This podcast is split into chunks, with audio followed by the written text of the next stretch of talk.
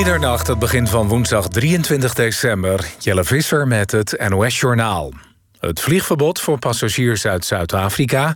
en het vlieg- en aanmeerverbod voor reizigers uit het Verenigd Koninkrijk... is om middernacht komen te vervallen. Alle passagiers uit deze landen moeten voor aanvang van de reis... een negatieve coronatest aanleveren. Luchtvaartmaatschappijen en reders die vanuit deze landen naar Nederland opereren... worden verplicht om passagiers te controleren op het bezit van zo'n test.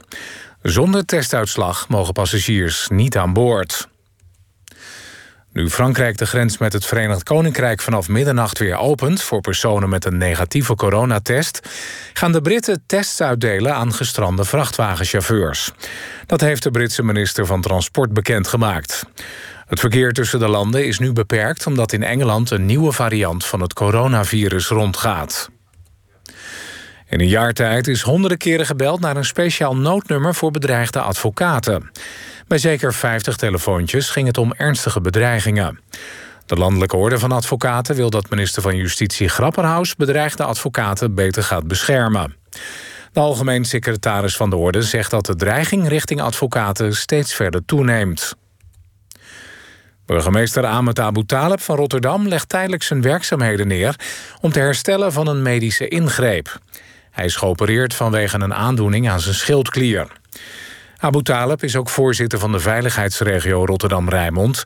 Die taak wordt overgenomen door plaatsvervanger Cor Lamers, de burgemeester van Schiedam. Vijf mannen uit Enschede en Duitsland moeten tot 2,5 jaar de cel in... voor de mishandeling en afpersing van een oudere man in Enschede. Het zouden pedojagers zijn die de man naar een parkeerplaats hadden gelokt... door zich op internet voor te doen als meisje. Met de pinpas van de man werden duizenden euro's overgemaakt... naar de rekening van de verdachte. En dan het weer in het noorden mogelijk mist. In de rest van het land kan het gaan regenen. Morgen is het bewolkt met vooral in het midden en zuiden van het land regen. Het wordt dan 7 tot 12 graden. Dit was het NOS Journaal. NPO Radio 1. VPRO. Nooit meer slapen.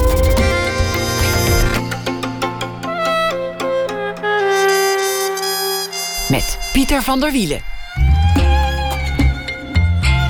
Goedenacht en welkom bij Nooit meer slapen. Het is december, de tijd van opbeurende kerstcomedies. Zoals deurwaarder van de afdeling toeslagen van de Belastingdienst... belandt op een ijskoude kerstavond aan de dis bij een gedupeerd gezin. Of hoge baas uit de financiële wereld verruilt een topfunctie met eigen chauffeur... voor een baan als leraar met achtergestelde leerlingen... en het blijkt nog een goede keuze ook. Die laatste, die is niet verzonnen, die is waar gebeurd. Maar laten we geen sprookje of een soort rariteit maken van het leven van mijn gast, Merel van Vroonhoven. Ze was directeur van de Autoriteit Financiële Markten. En nu, nu is ze PABO-student en staat ze voor de klas.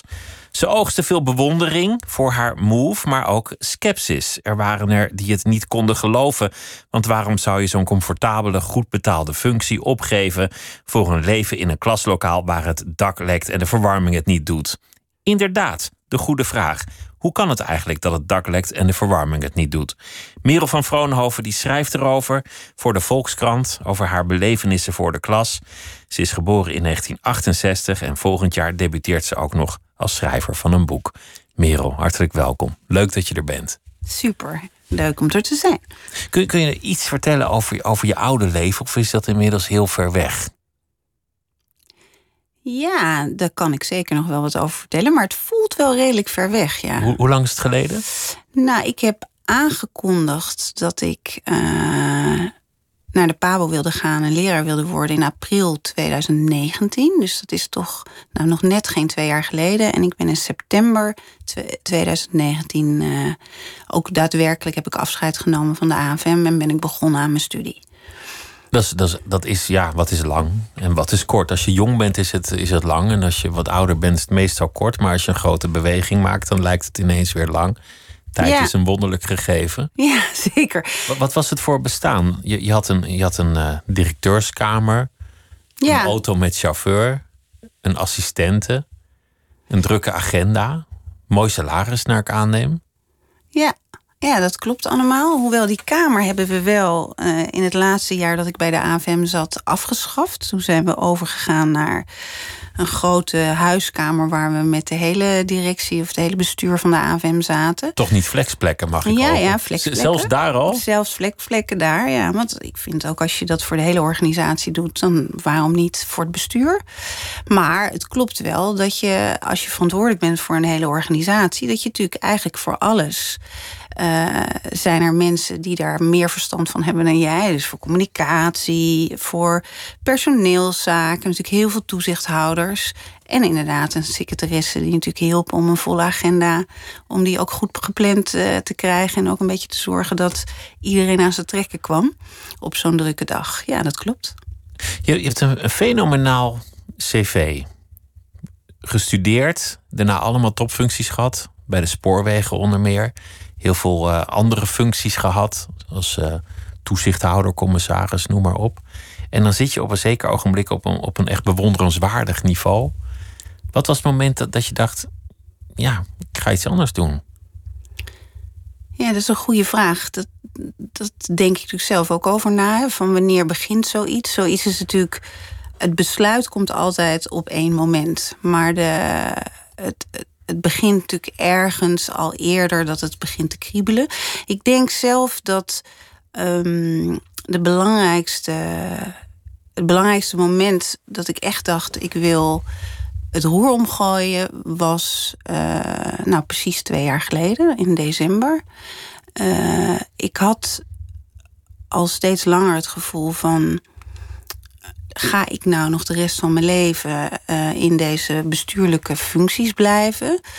Eh, bovendien vond ik mijn baan ontzettend leuk, maar ik dacht wel, ja, ik vind de kloof tussen het bedrijfsleven, tussen de bestuurstafel en de, en de praktijk wel heel groot. En ik heb wel geprobeerd om daar allerlei dingen aan te doen. Door regelmatig eh, mee te luisteren. Bijvoorbeeld als er klanten belden die gedupeerd waren. Dat was dan bij de AFM of bij de NS ging ik heel vaak mee als conducteur op de trein.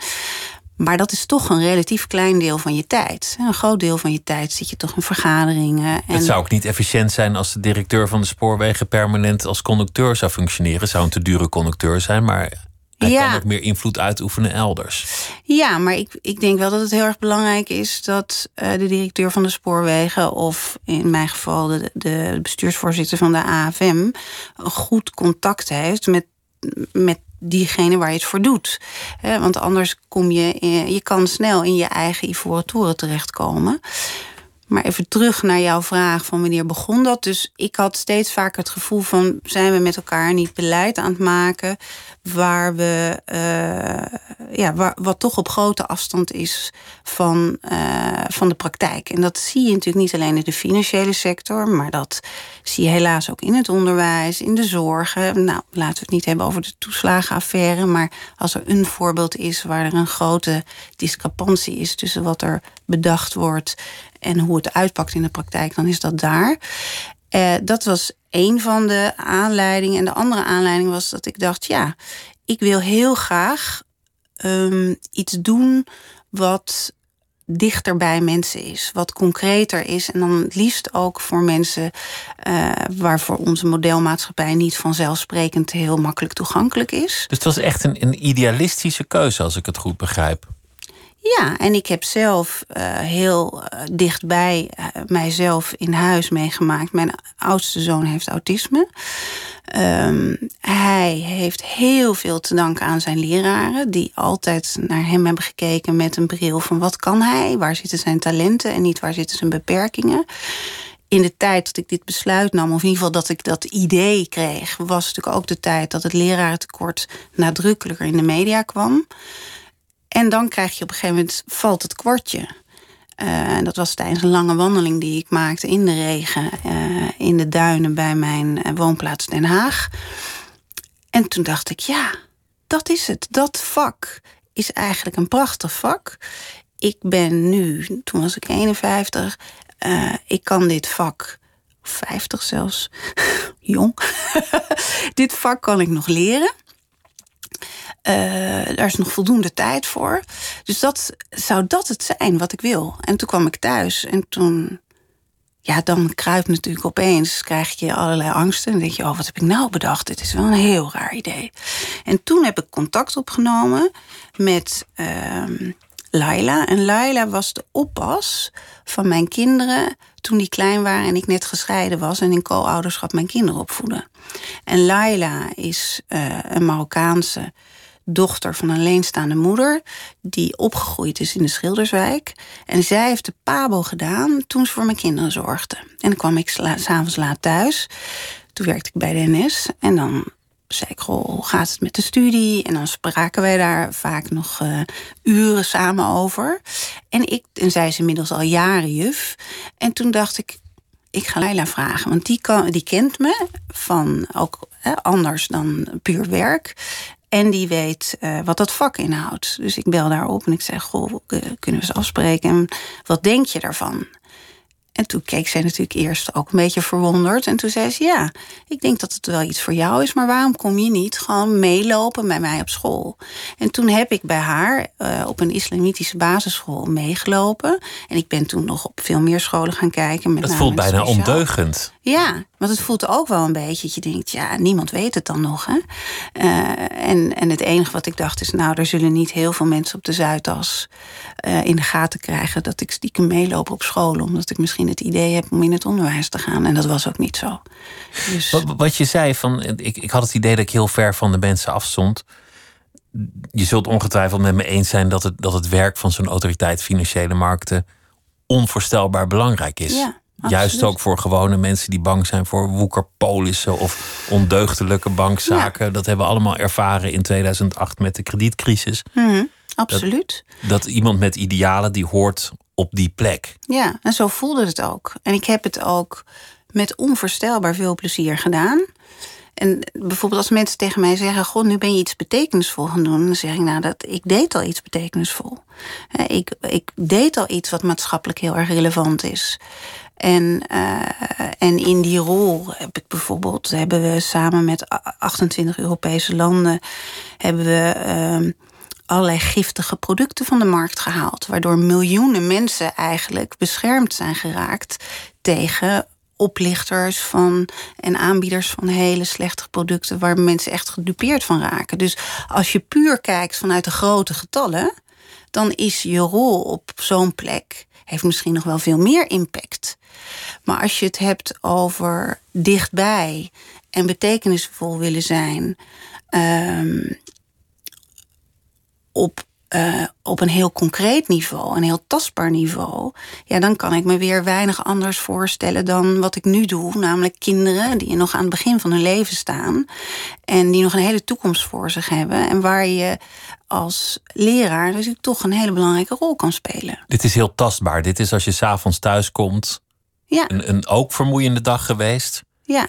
Je, je zult ook je laatste slok energie hebben uitgegeven, maar dat is een, een concretere voldoening ja. die je ervaart. Ja, en ik heb ook bedacht toen ik daar dus verder over nadacht na dat eerste idee is van ik wil uh, dat een groot deel van mijn tijd doen voor de klas staan, maar ik wil ook nog een stukje tijd overhouden om de vertaling te maken vanuit die praktijk naar dat systeem. Dus waar ik eerst vanuit dat systeem probeerde altijd de vertaling te maken naar de praktijk, heb ik bedacht dat kan misschien ook wel andersom. En door bijvoorbeeld erover te schrijven, door een deel van mijn tijd ook bestuurlijke dingen te doen en mijn bestuurlijke netwerk ervoor Want, te Want daar heb je ervaring in, je begrijpt hoe systemen werken. Ja, en dan kan je dus toch. Hè, dus, en, en dat heb ik bijvoorbeeld afgelopen jaar gedaan in mijn rol als onafhankelijk aanjager voor de aanpak van het leraartekort, waar ik in benoemd was door minister Slop. Maar ook uh, door een. Um, programma wat ik samen met de vakbond van schoolleiders heb georganiseerd. Een uitwisselingsprogramma, een mentorprogramma tussen grote bedrijven, CEO's van grote bedrijven en schooldirecteuren. En uh, het aardige is dat je. Uh, ja, daar kan ik natuurlijk mijn netwerk gebruiken, mijn ervaring gebruiken. En dat combineer ik dan met datgene wat ik. Uh, dat vak wat ik aan het leren ben en het grootste deel van mijn tijd ook doe, namelijk voor de klas staan. Wat, wat waren de reacties toen je, toen je eenmaal de moed had verzameld om het besluit echt door te voeren en het aan anderen te vertellen? Ja, ik vond het heel spannend natuurlijk om het aan anderen te vertellen. Hoe, hoe vertel je zoiets aan wie vertel je het het eerst? Nou, het eerst vertel je het aan je raad van toezicht. Die je hebt eh, als, uh, als organisatie is er altijd weer een baas boven je. In dit geval was dat de raad van toezicht. En aan mijn directe collega's in het bestuur. Maar vrij snel daarna heb ik het aan al mijn collega's bij de AFM verteld. En ik weet nog dat ik daar stond. Want dan stond ik in, de, in ons personeelsrestaurant. En iedereen stond daar. En ik stond op een podium. En er stond zo'n tafeltje was ervoor. Met zo'n kleedje erover. Dat je vaak op congressen ziet. Zo'n heel duf tafeltje. En er stond een kan met water. En ik was zo zenuwachtig dat ik die kan met water omstootte. En toen ging dat in honderdduizend kleine stukjes. Brak die kan zo op de grond. En iedereen denkt, wat gaat zij doen? En toen, Mooi symbolisch. Ja, dus en dat was. brengen geluk. Zo is dat. En toen uh, vertelde ik dus van, uh, nou, ik heb besloten dat ik uh, per 1 september ehm, naar de Pabel ga en dus afscheid neem van mijn rol als bestuursvoorzitter van de AFM. En het was toen muisstil en toen begon iedereen te klappen. Dus dat was echt, en ik krijg er nog een beetje een broek van in mijn keel. En er waren ook mensen die in tranen daar stonden. En die dus zeiden van, wat bijzonder dat je dat gaat doen. En toen dacht ik, dat is eigenlijk een eerbetoon aan al die leraren in ons land. Die, uh, nou, waar vaak toch de erkenning voor mist, is toch dat mijn collega's bij de AFM ja, dat deden. Dat vond ik heel bijzonder. En vervolgens kwam daarna, zijn er duizenden reacties geweest. Er waren mensen die brieven, handgeschreven brieven, onder de voordeur bij de AFM naar binnen schoven. Met, uh, we hebben begrepen dat u dit gaat doen en we vinden dat zo bijzonder. Of jonge mensen die zeiden: Ik heb altijd, ik ben nu advocaat. Maar het is zo'n fijn idee te denken dat ik ook ooit nog eens iets anders kan gaan doen. Of mensen die met kinderen met een beperking, of andere mensen die uh, het, ja, het gevoel hebben toch niet altijd te worden gezien en erkend. Die zeiden: Wat fijn dat u dit gaat doen, want nu is er ook een stem voor ons. Dus ja, dat Dus was een soort overweldigend. Het werd ook gezien als een, een eh, blijk van respect voor het beroep van leraar. Ja, en dat had ik natuurlijk allemaal niet verwacht. En dat was ook natuurlijk niet mijn doel of zo. Mijn doel was, ik wil heel graag leraar worden en ik wil die stap maken en dat ga ik nu doen. Maar daar is dat er zoveel bij kwam, ja, los bij kwam. En ik heb nog steeds elke dag dat ik misschien wel tien mailtjes krijg van mensen die zeggen: Goh, ik overweeg het ook. Mag ik eens met je praten? Nou, kan ik nooit allemaal natuurlijk invulling aan geven. Maar dat er in de samenleving op dit moment iets leeft van. eh, nou, de zogenaamde vitale beroepen, dit was nog voor corona, die verdienen meer van ons respect. En die zijn, eh, of dat nou de zorg is of het onderwijs, die doen ertoe. Ja, dat gevoel heb ik wel. Heb je, heb je je levensstandaard moeten verlagen? Drink je nu huiswijn of, eh, of, of rij je in een, in een tweedehands auto waar je voorheen een auto met chauffeur had? Hoe, hoe is nee, die ik heb kant geen. eigenlijk? Ja. Nou, ik heb geen auto meer, dus dat is. eh, Maar dat Oh, hoeft ook niet. Want ik woon in Den Haag en daar kan je alles prima met het openbaar vervoer bereiken. En sinds ik bij de eh, NS heb gewerkt, ben ik uiteindelijk toch een enorme treinliefhebber. En een enorme liefhebber van het openbaar vervoer. Dus dat, eh, dat is fijn. En op de fiets. En. ehm, maar ja, het, het, geld is eigenlijk bij mij nooit echt een drijfveer geweest. Ook niet daarvoor. Eh, en natuurlijk is het zo dat, dat ik bij de AFM veel meer verdiende dan dat ik nu verdien. Ik ben nu zelfs student, dus PABO-student. Dat, nou, dat verdien, daar verdien je überhaupt niet mee. Maar ehm, ja, het, het, het, eh, het is voor mij geen afweging geweest om, dat niet, eh, om, om het dus niet te gaan doen. Het lukt je zo ook wel. Ja, en dat is natuurlijk voor iedereen is dat weer anders. Ik denk, ik heb met heel veel zij-instromers gesproken. Of mensen die stap wilden maken. Vanuit de rol van onafhankelijk aanjager. En natuurlijk is dan in die afweging, de financiële afweging, ook altijd een vraag. En, eh, en dat moet iedereen voor zichzelf natuurlijk gaan bekijken. Van heb je nog spaargeld? Of überhaupt, hè, het is niet zo dat je als leraar helemaal niks verdient. Eh, het hangt er natuurlijk ook vanaf wat je daarvoor hebt gedaan. eh, wat je privésituatie is met een partner of niet. Maar uiteindelijk zie ik dat voor de meeste zij-instromers is de belangrijkste toch, afweging toch wat voor werk ga ik doen. En lijkt me dat leuk? Zie ik mezelf daarin opereren? Kan ik dat vak mijn eigen maken? Uh, dat is eigenlijk een veel belangrijkere vraag. En dat gold voor mij ook. Dan, dan ben je 51. Dan moet je het vak nog helemaal leren. Ja. Dan, dan kom je van een situatie waar je belangrijk bent, waar, waar je de, de orders uitdeelt. Ik, ik chargeer het een beetje, maar goed, je was wel de baas. En ineens sta je onderaan. Ja. En dan moet je echt als een beginneling de fouten maken met vallen en opstaan. Klopt. Een, een ingewikkeld vak onder de knie krijgen. Ja, en het is echt een vak. En hoe, hoe is dat om weer helemaal onderaan te staan? Nou ja, dat is natuurlijk, denk ik, een van de, uh, van de dingen waar je het meest aan moet wennen. Um, en dat je jezelf ook gunt dat je fouten mag maken. Als je een baan hebt, of je nou de baas was van de AFM, of je was een HR-manager, of je was radiopresentator en deed al zeven jaar je programma. Uh, je doet iets meestal waar je goed in was. En uh, dan ben je ook gewend dat niet zo heel veel dingen fout gaan. Het is overigens ook een van de meest grote risico's natuurlijk als je iets al heel lang doet. Daar ontstaan de fouten juist. ontstaan de fouten juist. Maar goed, je bent toch wel gewend dat dingen soepel gaan... en dat mensen naar jou komen om te vragen hoe iets moet. En dat jij degene bent die anderen coacht. En dan van de een op de andere dag ben je uh, de jongste bediende... als het gaat om ervaring. En dat, uh, dat vraagt wel dat je een knop omzet... En dat is ook best confronterend, want ik heb natuurlijk ook meegemaakt en maak nog elke keer mee dat soms dingen helemaal niet goed gaan. Of dat je geen orde kan houden. Of dat je de ene dag denkt: yes, dit ging lekker zeg. De lessen gingen soepel, het was op tijd. De kinderen luisterden, ze deden leuk mee. En dan kom ik thuis en dan zeg ik tegen mijn man: ja, ik heb het onder de knie. Ik ga, ik word er echt goed in. En dan ga ik de volgende dag en dan denk je, wat is er aan de hand? Dan wordt er niet geluisterd, uh, het, het, loopt niet lekker, er is geroezemoes. Uh, en dan denk je, leer ik dit vak, nou, leer ik het ooit nog? En dat is wel, ja, dan moet je wel tegen jezelf een beetje zeggen, nou, ik mag dit doen. Ik mag fouten maken. Sterker nog, ik moet fouten maken, want anders leer ik het niet. Dus het relativeringsvermogen moet je wel hebben. En een beetje humor ook, want het is natuurlijk eigenlijk ook best grappig. Het is best grappig om mee te maken dat je opeens weer zo'n beginner bent. En kinderen zijn grappig. Er hangt vanzelfsprekend humor om het vak, omdat die kinderen heel direct zijn. Heel direct, heel direct. En ik, ik heb zoveel voorbeelden waarin ik denk: oh ja.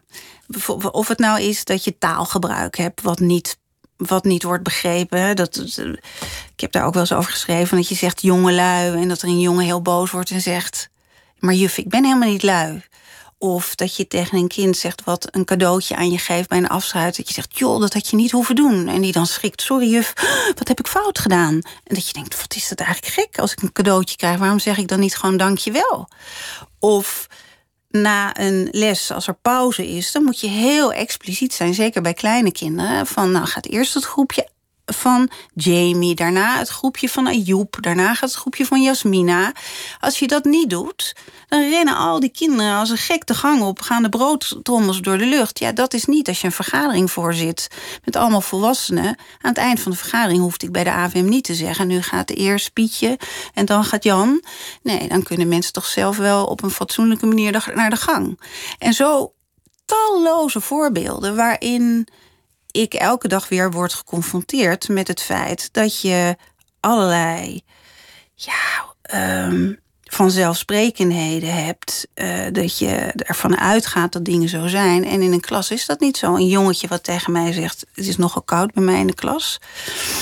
Dus uh, dan moet je veel vest aan. Dus ik had een nieuw vest gekocht. Ik denk, nou lekker.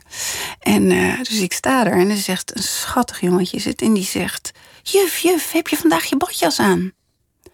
En ik denk, maakt hij nu een grapje? Maar het jongetje dood serieus. Dus ik kijk, ik denk, ja, hij lijkt eigenlijk best op een badjas, dit vest. En zulke dingen. Of een, juf, een kind wat zegt, hoe oud ben je? Juf, hoe oud ben jij? En dat je zegt, ik ben 52. En oh, maar juf, dan ben je al bijna dood. En zulke... En dan, ja, ik kan daar zo van genieten. Het is gewoon... Dat, je bedenkt het namelijk niet zelf.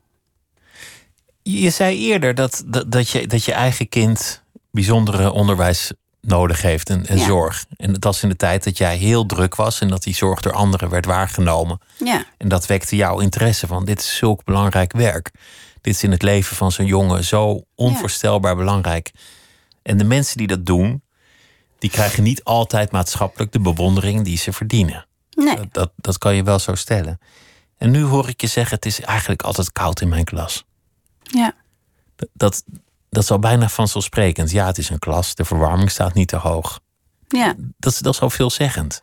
Ja, is ook een van de dingen waar ik eh, denk het meest van, eh, wat me het meest verwondert en ook wel boos maakt. Eh, als ik kijk naar het onderwijs, ik heb dan in die rol van aanjager voor de aanpak van het lerarentekort, heb ik met honderden eh, mensen gesproken binnen het onderwijs, bestuurders, maar ook leraren, ook buiten het onderwijs, maar, en met heel veel zij-instromers. En heb ik ook gekeken naar van waarom is dit tekort er nou en wat, eh, wat is nou daar de oorzaak van? Want als je dat niet begrijpt, dan kan je allerlei maatregelen nemen, maar Waarom ja. lekt de kraan? Waarom lekt Ja. het dak? Waarom is de Waarom is verwarming dat stuk? Waarom Ja. zijn er te weinig leraren? En als je gewoon kijkt, dan, dan heeft het Rijk de afgelopen tien jaar 1,7 miljard geïnvesteerd in het onderwijs. Maar vervolgens is er bij de gemeente 1,9 miljard afgegaan. Dus de facto hebben we bezuinigd op het onderwijs de laatste tien jaar... in plaats van dat we geïnvesteerd hebben. En intussen zijn eh, de gebouwen verouderd. Die voldoen helemaal niet meer aan deze tijd. Dus de, de, de bouwkosten zijn omhoog gegaan. Dus heel veel gebouwen voldoen niet aan de eisen van deze tijd. Daarnaast zie je dat ehm, de eisen voor leraren steeds meer omhoog zijn gegaan. Er zijn heel veel extra eisen rondom het bijhouden van dingen, administratie.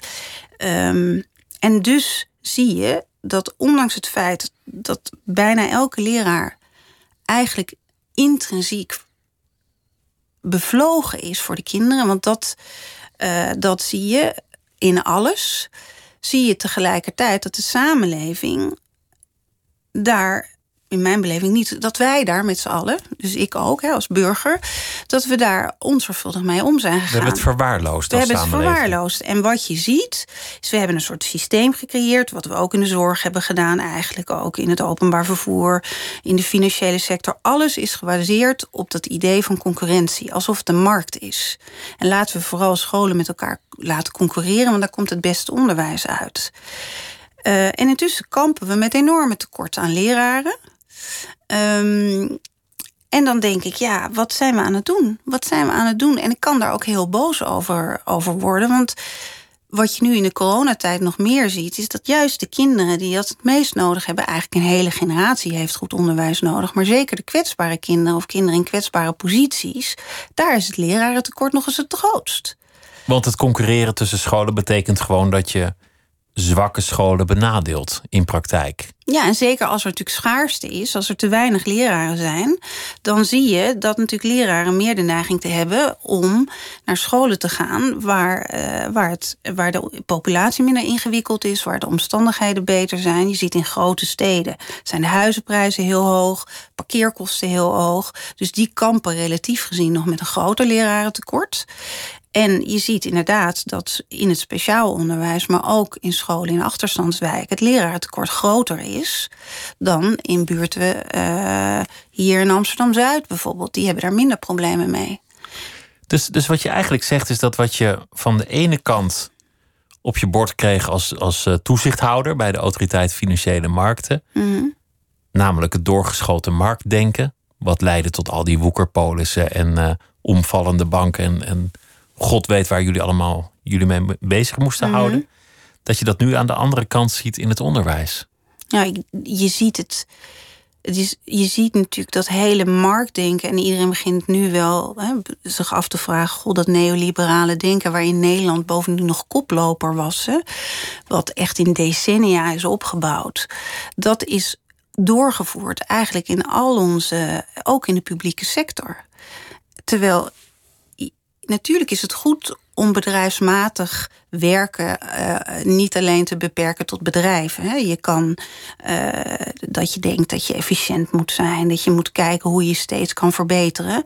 Maar het idee dat je concurreert op scholen Of bijvoorbeeld hogescholen geldt dat ook bij, bij leraaropleiding. We hebben nu 384 routes naar het leraarschap. Dus dat je dus denkt, oké, ik ben een zijenstromer. Laat ik eens kijken hoe ik het onderwijs in kan. Dan moet ik dus overal zijn leraaropleidingen, routes. Ja, ik denk dan van, waarom? Als ik in Den Haag wil uh, werken, omdat ik daar woon... en daar stage loop, is het eigenlijk heel normaal... dat ik naar een Haagse uh, leraaropleiding ga. Dan ga ik natuurlijk niet in Groningen naar de leraaropleiding. Uh, dus, dat, dus er zit ook een, in mijn beleving gewoon een denkfout in het idee van concurrentie. Um, en zeker waar, zoals alles wordt bekostigd op het aantal leerlingen, op het aantal studenten. Dus de prikkel om samen te werken, wat nodig is om grote complexe vraagstukken als het lerarentekort, maar ook passend onderwijs en allerlei dingen die we belangrijk vinden voor het onderwijs om dat op te lossen. Daar heb je een samenwerking voor nodig tussen schoolbesturen, maar ook tussen schoolbesturen en tussen leraaropleidingen. Nou, daar is nu geen enkele prikkel voor. Ik zie ook een parallel met de gezondheidszorg. Ik lees in, in veel analyses van de COVID-crisis dat het komt door de doorgeschoten efficiëntie in de zorg. Ja. Er zat eigenlijk geen vet meer op de ribben. Je zou kunnen zeggen, er was geen bed meer over. Er was geen verpleger meer boventallig. Nee. En je ziet natuurlijk die, die tekorten, die spelen ook heel erg in de zorg. Het is eigenlijk een vergelijkbare problematiek. En uh, zolang er natuurlijk niks misgaat, eh, is het heel fijn om heel efficiënt te zijn.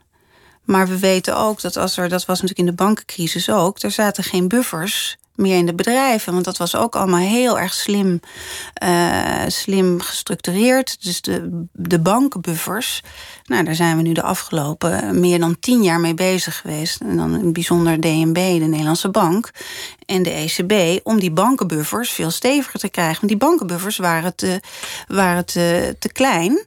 En toen het, dat gaat goed, zolang alles goed gaat. Maar als het misgaat, dan heb je dus geen buffer om het op te vangen. En in die zin is dat vergelijkbaar. Ja als je huis omwaait, dan is de neiging meestal om te zeggen wat een heftige storm. Terwijl je beter de vraag kan stellen: was het wel zo'n stevig gebouwd huis? Ja, ja.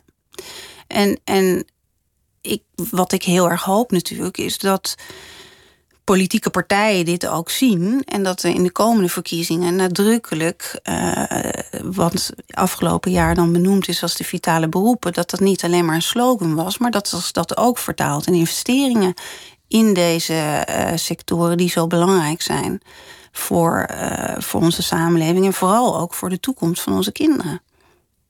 We gaan straks verder praten, maar eerst gaan we luisteren naar uh, Spinvis. Want gisteren was er een cultuuravondachtig ding op NPO Radio 1. En Spinvis die, was op bezoek en heeft toen een aantal liedjes ten gehore gebracht... waarvan we er één gaan laten horen in een opname gisteren gemaakt, Smalfilm.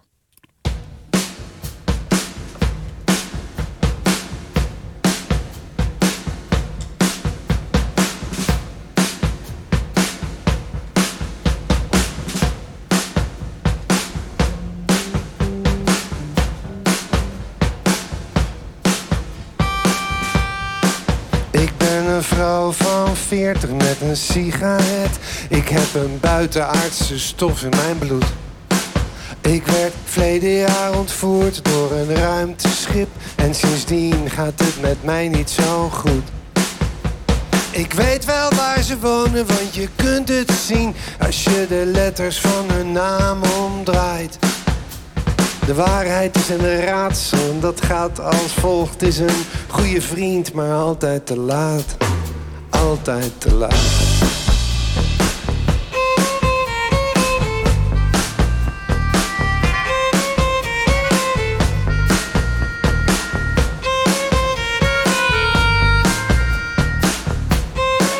Ik heb een eigen flat, ik heb de radio aan. Het is alweer woensdag, ik heb een Golf GTI. Een tijdje terug reed ik een fietser dood gelukkig heeft geen mens me gezien. Het komt maar zelden voor dat ik een zin afmaak. Maar je maakt mij echt niks wijs. Het noodlot is een raadsel en dat gaat als volgt. Het kost je niks en toch altijd prijs. En toch altijd prijs.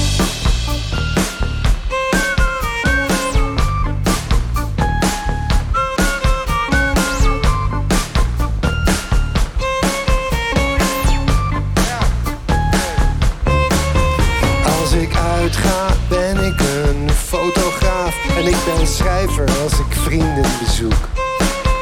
Op het ogenblik zit ik heel even zonder werk, maar binnenkort begin ik aan mijn eerste boek.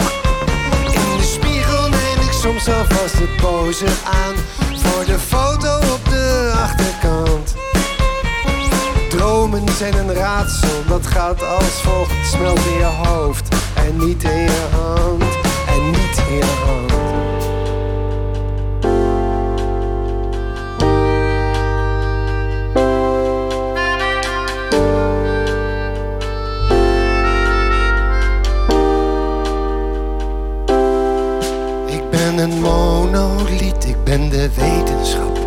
Ben een grote man van 60 jaar. Vandaag knipte ik een muis in twee en die naaide ik toen mooi maar weer aan elkaar. Maar soms vanuit een hoek kijken mij dingen aan, vanuit de schaduw van de kathedraal. Alles is een raadsel, ik weet nog niet in welke vorm en in welke taal. Mm, ik ben al heel en ik mis mijn vrouw. En mijn oude handen trillen heel de dag.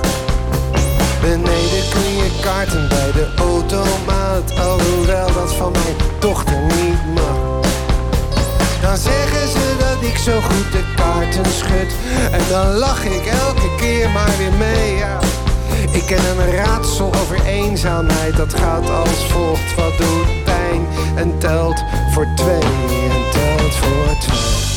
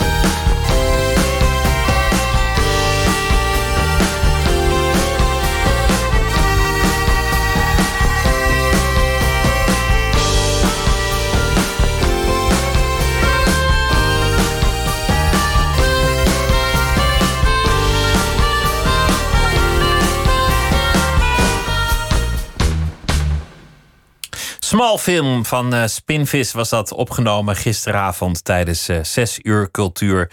Een avond in het teken van uh, de cultuur op NPO Radio 1.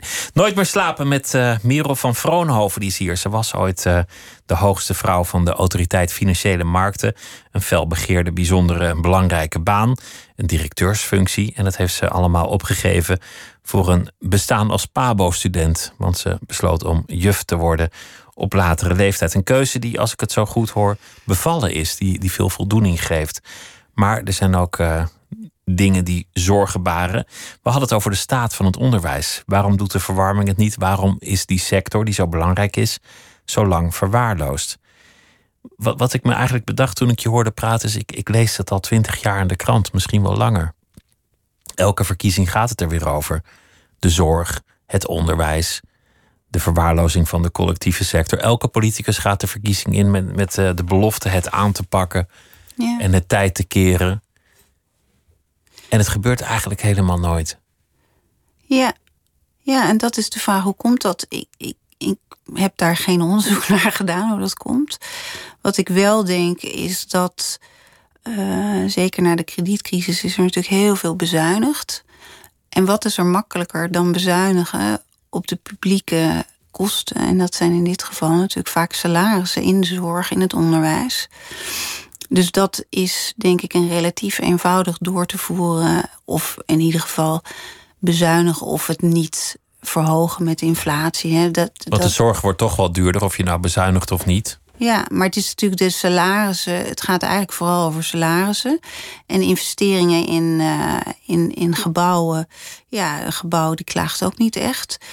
Ik denk een andere, ander iets wat mij is opgevallen uh, in dat jaar dat ik in het onderwijs zat, is dat de beroepsgroep, en dan heb ik het echt over leraren, maar ook schooldirecteuren. Dat zijn eigenlijk allemaal mensen die ontzettend bevlogen zijn voor die kinderen. En, en die zullen ook alles doen om ervoor te zorgen dat die kinderen les krijgen. En dan kan het dus gebeuren dat er scholen zijn waar de gymleraar taalles geeft. Want alles beter dan dat de kinderen naar huis gaan en daar thuis zitten. Of dan kan het gebeuren dat de schooldirecteur denkt: nou ja, dan ga ik maar zelf voor de klas.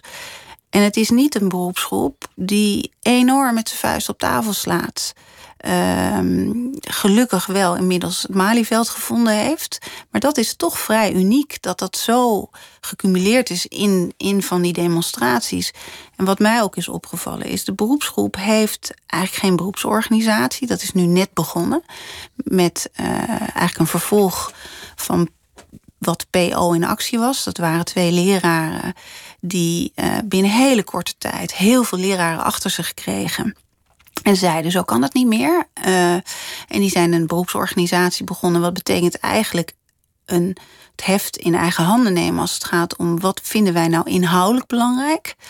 Uh, maar ook bijvoorbeeld bij lerarenopleidingen is het heel opvallend dat in het onderwijs zit het beroep niet aan tafel. Dus er worden lerarenopleidingen bedacht vanuit de universiteit en hogescholen, zonder dat daar de praktijk bij betrokken is. Dus ik denk dat dat ook een van de redenen is dat als je een, um, een populatie hebt van professionals die eigenlijk hun hart vooral hebben liggen bij het zo goed mogelijk onderwijs geven, ja, die komen misschien sneller op voor het kind dan voor zichzelf. Uh, totdat er een moment komt dat ze zeggen: ja, maar als wij niet opkomen voor onszelf, dan is het kind daar de dupe van. De grote belofte van onze samenleving is gelijke kansen. Ja. Van krantenjongen tot miljonair, zoals dat altijd heette. En het vehikel waarmee die promotie plaatsvindt, dat is het onderwijs. Ja. Als je slim bent en je kan goed leren en je doet goed je best, dan kan je later uh, baas worden van de autoriteit financiële markt of ik noem maar wat. Ja. Die belofte komt in gevaar. Ja, die belofte is, uh, die is heel erg in gevaar. Je ziet dat natuurlijk ook uit de uitkomsten van allerlei rapporten, onder andere van de inspectie van het onderwijs, is dat de kansengelijkheid in het onderwijs de laatste jaren eerder is afgenomen dan toegenomen. Uh, er is nu een prachtige documentaire op, uh, op de NPO die Klasse heet. En die, gaat, die speelt hier in Amsterdam Noord. En of die speelt in Amsterdam Noord. We zitten in Hilversum, maar die speelt in Amsterdam Noord. En dat gaat eigenlijk over ja, de ongelijkheid die er is. En kinderen met hoogopgeleide ouders die uh, met hetzelfde CITO-advies, hetzelfde CITO-score, een VWO-advies krijgen. En kinderen met laag opgeleide ouders een lager advies. Um, dus die, dat soort dingen gebeuren uh, ja, toch heel veel. En uh, het, het nare is natuurlijk dat door corona is dat eigenlijk alleen maar meer geworden omdat uh, ik zie het zelf bijvoorbeeld aan een school. Ik zit nu op een school waar veel kinderen zitten van hoogopgeleide ouders. Zitten veel expertkinderen ook. Die dus ook niet Nederlands als eerste taal hebben. Maar die ouders hebben wel geld voor bijles. Terwijl de kinderen op mijn oude school in het Laakkwartier in Den Haag, waar veel kinderen zaten, zitten van ouders van een niet-westerse migratieachtergrond, die de Nederlandse taal ook niet uh, als eerste taal hebben. En die kinderen die hebben eigenlijk dezelfde taalproblemen als de expertkinderen. Alleen hebben niet thuis het geld en de aandacht van de ouders, die vaak ook alle twee dan moeten werken, uh, om ervoor te zorgen dat ze die taalachterstand kunnen inhalen. Dus de, het, wat je ouder, hè, waar je wieg staat, bepaalt in Nederland toch nog heel erg je toekomst. Dus dat is de ene kant van het verhaal van kansengelijkheid. Er zit ook een andere kant van kansengelijkheid. En die gaat eigenlijk over: is, uh, is een diploma van, de, uh, van hoger onderwijs. Eigenlijk ook gek dat we het hoger onderwijs noemen. We hebben lager en hoger onderwijs. Je hebt laag opgeleide en hoog opgeleide. Terwijl ik denk, je hebt mensen die een beroepsopleiding doen en een meer theoretische opleiding. Het zou heel goed zijn als we dat anders zouden noemen. Want we hebben ook een, samenleving gecreëerd waarin ja, je succes ook heel erg wordt opgehangen aan je diploma's. Dus als je uh, in Amerika, er is een prachtig boek over geschreven van meneer Sandel, en die eigenlijk naar aanleiding van dat schandaal wat in Amerika was van mensen, dat waren allemaal filmsterren die diploma's kochten. Terwijl ze al het geld van de wereld hadden, kochten ze diploma's op vooraanstaande universiteiten voor hun kinderen, of in ieder geval toegang tot universiteiten. En wat deze man dus zegt, is blijkbaar is dus niet de status van een mens in onze samenleving gekoppeld aan hoeveel geld hij verdient. Maar is in eh, welke universiteit heeft hij gezeten of welke opleiding heeft hij genoten. En het uitgangspunt is dan, ja, als je dus een hoge opleiding hebt en je hebt gelijke klanten gehad, dan ben je succesvol. Maar als je gelijke kansen hebt gehad en je, hebt, je bent je hebt niet die opleiding gehaald, of je hebt gekozen voor een ander beroep, of of je hebt tegenvallers in het leven, dan ben je dus een mislukking. Dus je moet ook. Dus gelijke kansen is aan de ene kant natuurlijk ontzettend belangrijk dat kinderen gelijke kansen krijgen, maar we moeten ook heel goed kijken naar de waardering van, uh, van beroepsonderwijs. Want een vak, timmerman of onderwijzer of verpleegkundige, staat lager in aanzien dan het andere vak dat, dat, dat zeg maar top-econoom is of, of eh, bestuursvoorzitter of ja. dat soort beroepen. Ja, en zeker bijvoorbeeld. Ik, ik begeleid nu een jongen die op het VMBO zit. En die, uh, nou, die, die, is, die, die zat op de basisschool. En nou, daar kwam hij eigenlijk niet goed uit de verf. En uh, uh, hij deed ook niet zoveel hij ging toen naar het VMBO. En in het begin dacht ik, oh, hoe moet dit verder met hem? Want hij, elke afspraak die we hadden, dan kwam hij te laat. Of ik kwam niet, of hij moest weer nablijven. En, uh, en ze zeiden, ja, je houding is niet goed. En we zijn nu een half jaar verder. En die jongen is helemaal opgebloeid. En hoe dat komt, is dit is een VMBO. Met een hele eh, grote focus op... Uh, op het beroep en op het technische beroep. Hij is heel goed met zijn handen. En die jongen die, heeft gouden handen en die, die bloeit helemaal op. Uh, en, en dan denk ik van ja, dat wordt straks een hele goede uh, timmerman. Uh, en zijn medeklasgenoot wordt een hele goede elektro-installateur. of elektrotechnicus of een installateur. Beroepen die allemaal heel belangrijk zijn. Maar die wij in Nederland laag opgeleid hebben genoemd. Toch gek. We hadden het over je, je overstap van, van, van een vrouw in de financiële sector naar een vrouw voor de klas en onderaan beginnen. Mhm. Dan zegt zo'n leerling: 50, je bent bijna dood. Ja. Maar ik heb de indruk dat je jonger bent geworden door deze beweging. Klopt dat? dat, het, dat het je jonger heeft gemaakt. Want je, je komt toch in, in ieder leven op een zeker punt, dan, dan is het immer aus. Je hebt, je hebt je baan, je huis, je hypotheek en, en vanaf daar loopt het. En dan denk je ineens, wat wordt eigenlijk de volgende mijlpaal in dit leven? Ja, en wat is belangrijk? Het, het grappige is, er was toen ik aankondigde dat ik dit ging doen, over leeftijd gesproken. Toen gaf ik een interview in het Financieel Dagblad. En de journalist die mij daar interviewde, die zei: Goh, wat, nou, die geloofde het eerst niet. Hè, van gaat ze het echt doen? Ja, gaat het echt doen. Het was rondom 1 april, dus zij dacht eerst nog: dit is een 1 april grap. En, uh, maar vervolgens zei hij: Ken je Lucy Calloway? Zeg nee, die ken ik niet. Nou, dat is een journaliste van de Financial Times. Uh, en die heeft op haar 58ste, ik denk een jaar of twee voordat ik het besloot, besloten dat zij, en ze was heel succesvol, werd enorm een soort Japke. Uh, heet ze volgens mij van NRC. Dus zij schreef altijd, maakte ze, stak ze de draak met al het jargon van alle bedrijven en, uh, en de, nou, zeg maar de Engelse Zuidas, de City. En zij was dus absolute top in haar vak. En zij is op haar 58ste is ze wiskundelerares geworden op een uh, middelbare school in een achterstandswijk in Londen. En 58, eh, hè, dus dat is nog uh, nou ja, bijna tien jaar ouder dan ik. En was toen ik dat besluit nam.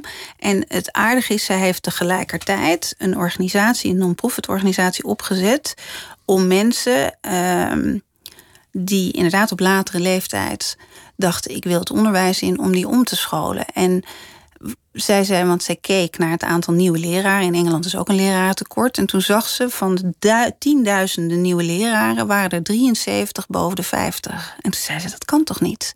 En inmiddels hebben zij dus al honderden mensen, advocaten, mensen uit het bedrijfsleven, veel mannen ook. Wat in Engeland, net als in Nederland, helaas hebben we vooral heel veel vrouwen voor de klas. En het zou goed zijn als er ook meer mannen kwamen. En zij heeft dus eigenlijk echt dat omgedraaid. Uh, met haar stap. En, uh, en ook als ik haar hoor praten, dan denk ik, ja, zij is helemaal niet oud. Ze is hartstikke jong. En of dat door het onderwijs komt, of gewoon door het feit dat je weer iets nieuws mag beginnen. En dat je dus eigenlijk een ervaren beginner bent. Dat houdt je wel jong, ja. Dat houdt je in ieder geval je hersenen jong. Uh, en kinderen houden je natuurlijk sowieso jong. Maar het is. ik gun eigenlijk iedereen uh, momenten in je leven dat je, en of je dat nou doet op je vijftigste of je dertigste of op je 58 of misschien wel zelfs op je 65ste, dat je de ruimte voelt en ook de mogelijkheid krijgt en de kans grijpt om gewoon weer iets heel anders te gaan doen. Want we worden met elkaar gelukkig best wel oud. Uh, maar hoe kan je op je 17e, 18e, 19e bepalen wat je de rest van je leven gaat doen? Het lijkt me heel ingewikkeld en dat hou ik mijn kinderen ook heel erg voor. Dus als er ergens nog een droom is, ja, ik, ik zal geen profvoetballer meer worden, vrees ik. Maar als er nog opties zijn, dan, dan is het eigenlijk wel handig om op een gegeven moment te wisselen. Nou ja, ik denk dat je vooral heel erg goed elke keer in je leven op verschillende momenten jezelf de vraag moet stellen: is, um, is wat ik doe, vind ik dat nog leuk? Dat is heel erg belangrijk. En vind ik dat over vijf jaar ook nog leuk? En uh, uh, ik denk dat een mens niet geboren is voor één soort baan. Ik denk dat een mens een heleboel, ook niet zelfs voor één soort leven, een heleboel levens kan leiden. En ik zie bijvoorbeeld jonge mensen nu, zelfs twee studerende stiefkinderen. Uh, ik zie jonge mensen, zeker studenten, uh, heel erg worstelen met die vraag van jee, we gaan moeten kiezen. En er zijn inmiddels zoveel opleidingen die je kan doen. En ik moet nu kiezen voor de rest van mijn leven. En, en die keuzestress. En dat is wel echt een, een vonnis. Je, ja. je, je, was, je was hoog bij de spoorweg en je zei net, ik, ik hou heel erg van de trein. Ja. Een van de dingen uh, die, die jou volgens mij al heel lang doet, is elk jaar proberen om een bijzondere treinreis te maken. Ja. En heel lang ook met je moeder samen. Ja, dat klopt. Wat, wat is dat voor traditie? En, en, en hoe ja, gaat dat? dat is een. Nou, dit jaar kan het helaas niet doorgaan. Dat is natuurlijk. eh, Maar kan ik hier wel zitten? Want normaal gesproken zou ik om deze tijd al bijna vertrekken om uh, twee weken met mijn moeder inderdaad op reis te gaan. Ja, dat komt eigenlijk uh, van lang geleden. In mijn studententijd zijn we begonnen om met elkaar een reis te maken. En dan gingen we altijd fietsen. En dat is ooit begonnen in de Pyreneeën. En heel zoet met bagage die dan nog meegebracht werd. En dat is uiteindelijk zijn we gaan fietsen in Vietnam en in China en allerlei prachtige landen. En toen ik uh, naar de NS ging, toen had ik een aantal maanden tussen uh, ING en NS vrijgenomen om af te kicken van ING en me voor te bereiden op de NS. En toen ik had een, een droom die ik altijd al heb gehad, eigenlijk sinds mijn middelbare schooltijd. En dat was met de Trans-Siberië Express naar China te gaan. En ik was toen net gescheiden. En uh, toen dacht ik, nou ja, weet je, dat is misschien ook goed om dat in mijn eentje te doen. En iedereen zei, poeh, in je eentje. Maar toen, nou, dat is een prachtige reis geweest. Toen ben ik een maand op reis geweest, hier begonnen en uiteindelijk in Beijing geëindigd. En toen schreef ik uh, korte verhalen over, over die reis, zodat mijn kinderen en mijn familie toch nog een beetje het gevoel had van oké, ze is niet al te ver weg en ik ook het idee had, ik ben niet helemaal alleen. En toen kwam ik terug en toen zei mijn moeder: Nou, zolang jij nog niet een leuke nieuwe man hebt ontmoet in je leven, dan uh, ga, wil ik wel met jou mee elk jaar op die reis. En toen zei ik, nou ja, als ik een nieuwe leuke man tegenkom en die vindt dat jij niet meer met mij op reis mag, dan is het geen leuke nieuwe man. Dus dat blijven wij gewoon doen, net zolang tot dat kan. En inmiddels is mijn moeder bijna 80 en zijn wij dus al jaren en elk jaar gaan wij dus met z'n twee op reis. En we zijn in uh, hebben alle landen gedaan van de zijderoute. Dus we zijn in Kazachstan geweest, we zijn in China geweest, we zijn in Iran en Syrië vlak voordat de uh, Arabische lente uitbrak. Maar ook bijvoorbeeld in Siberië. En daar zijn we twee jaar geleden geweest. We hebben niet de Trans-Siberië Express genomen, maar de BAM Express. Dat is eigenlijk een route uh, die is opnieuw aangelegd. Toen nog door, uh, volgens mij was het niet Khrushchev, of ja, ik denk dat het Khrushchev was. Die dacht van ja, we moeten zorgen dat we niet zo afhankelijk zijn van China. Want die Trans-Siberië Express loopt heel, langs, heel dicht langs China. En die heeft toen met alle komsel, uh, dat was de jeugd zeg maar, van de, van de Sovjets. In de Sovjet-tijd is daar een hele spoorlijn aangelegd. En vervolgens was die af en toen stortte het Rijk in. En mijn moeder en ik zijn daar in de winter geweest. Dan hadden we bontjassen aan. En, uh, maar dat was dan ijskoud daar. Ja, het was daar min 40. En men, we hadden allemaal bontjassen aan die je nu niet meer durft aan te doen. Maar die waren nog allemaal van overleden moeders van haar vriendinnen. En er was natuurlijk nooit een toerist geweest. En wij gingen daar dus met die trein. Met min 40 moet je niet 40. principieel doen over een bontjas, vind ik. Nee, vind ik ook Dan wil je echt wel een bontjas. Ja, maar hebben ook. En, en dan hadden we. Dan lagen we daar in die trein. En ik heb wel eens momenten gehad, ook eerder in een Chinese trein. Dat je dan met 66 mensen ligt in zo'n trein met rochelende Chinezen. En van die stapelbedden. En dan lag ik zo en dan keek ik naar het plafond. En dan was er zo'n knipperend TL-balkje.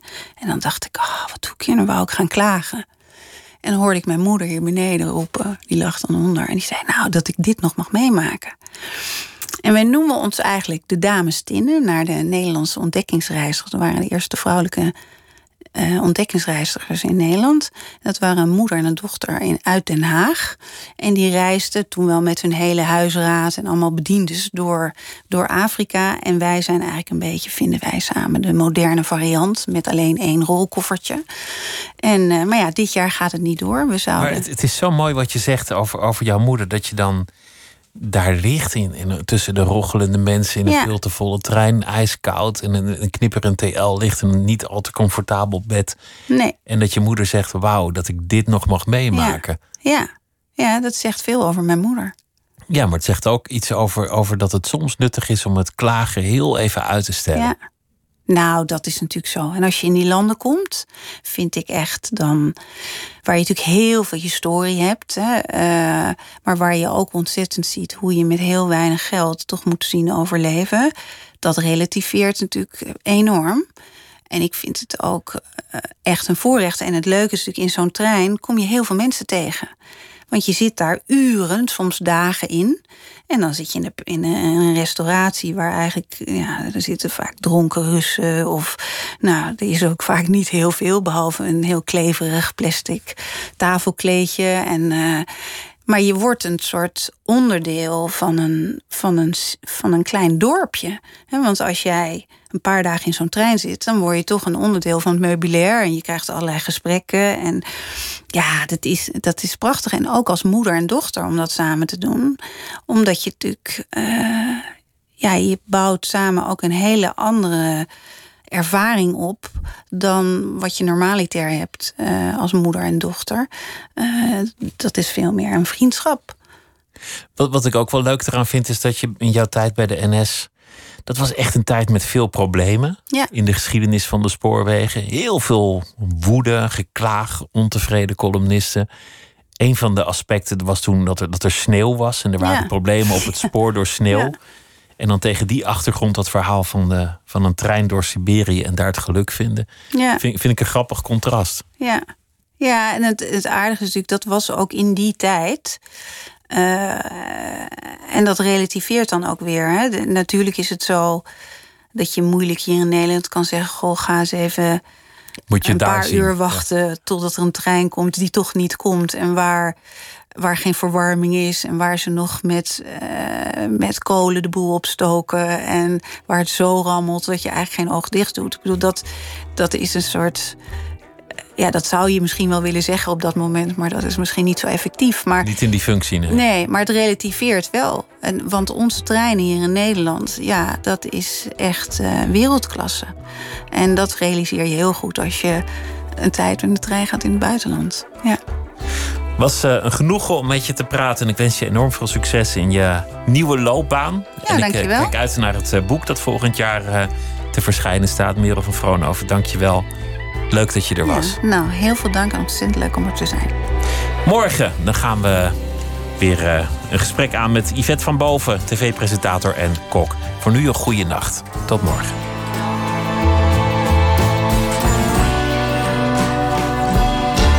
Op Radio 1. Het nieuws van alle kanten.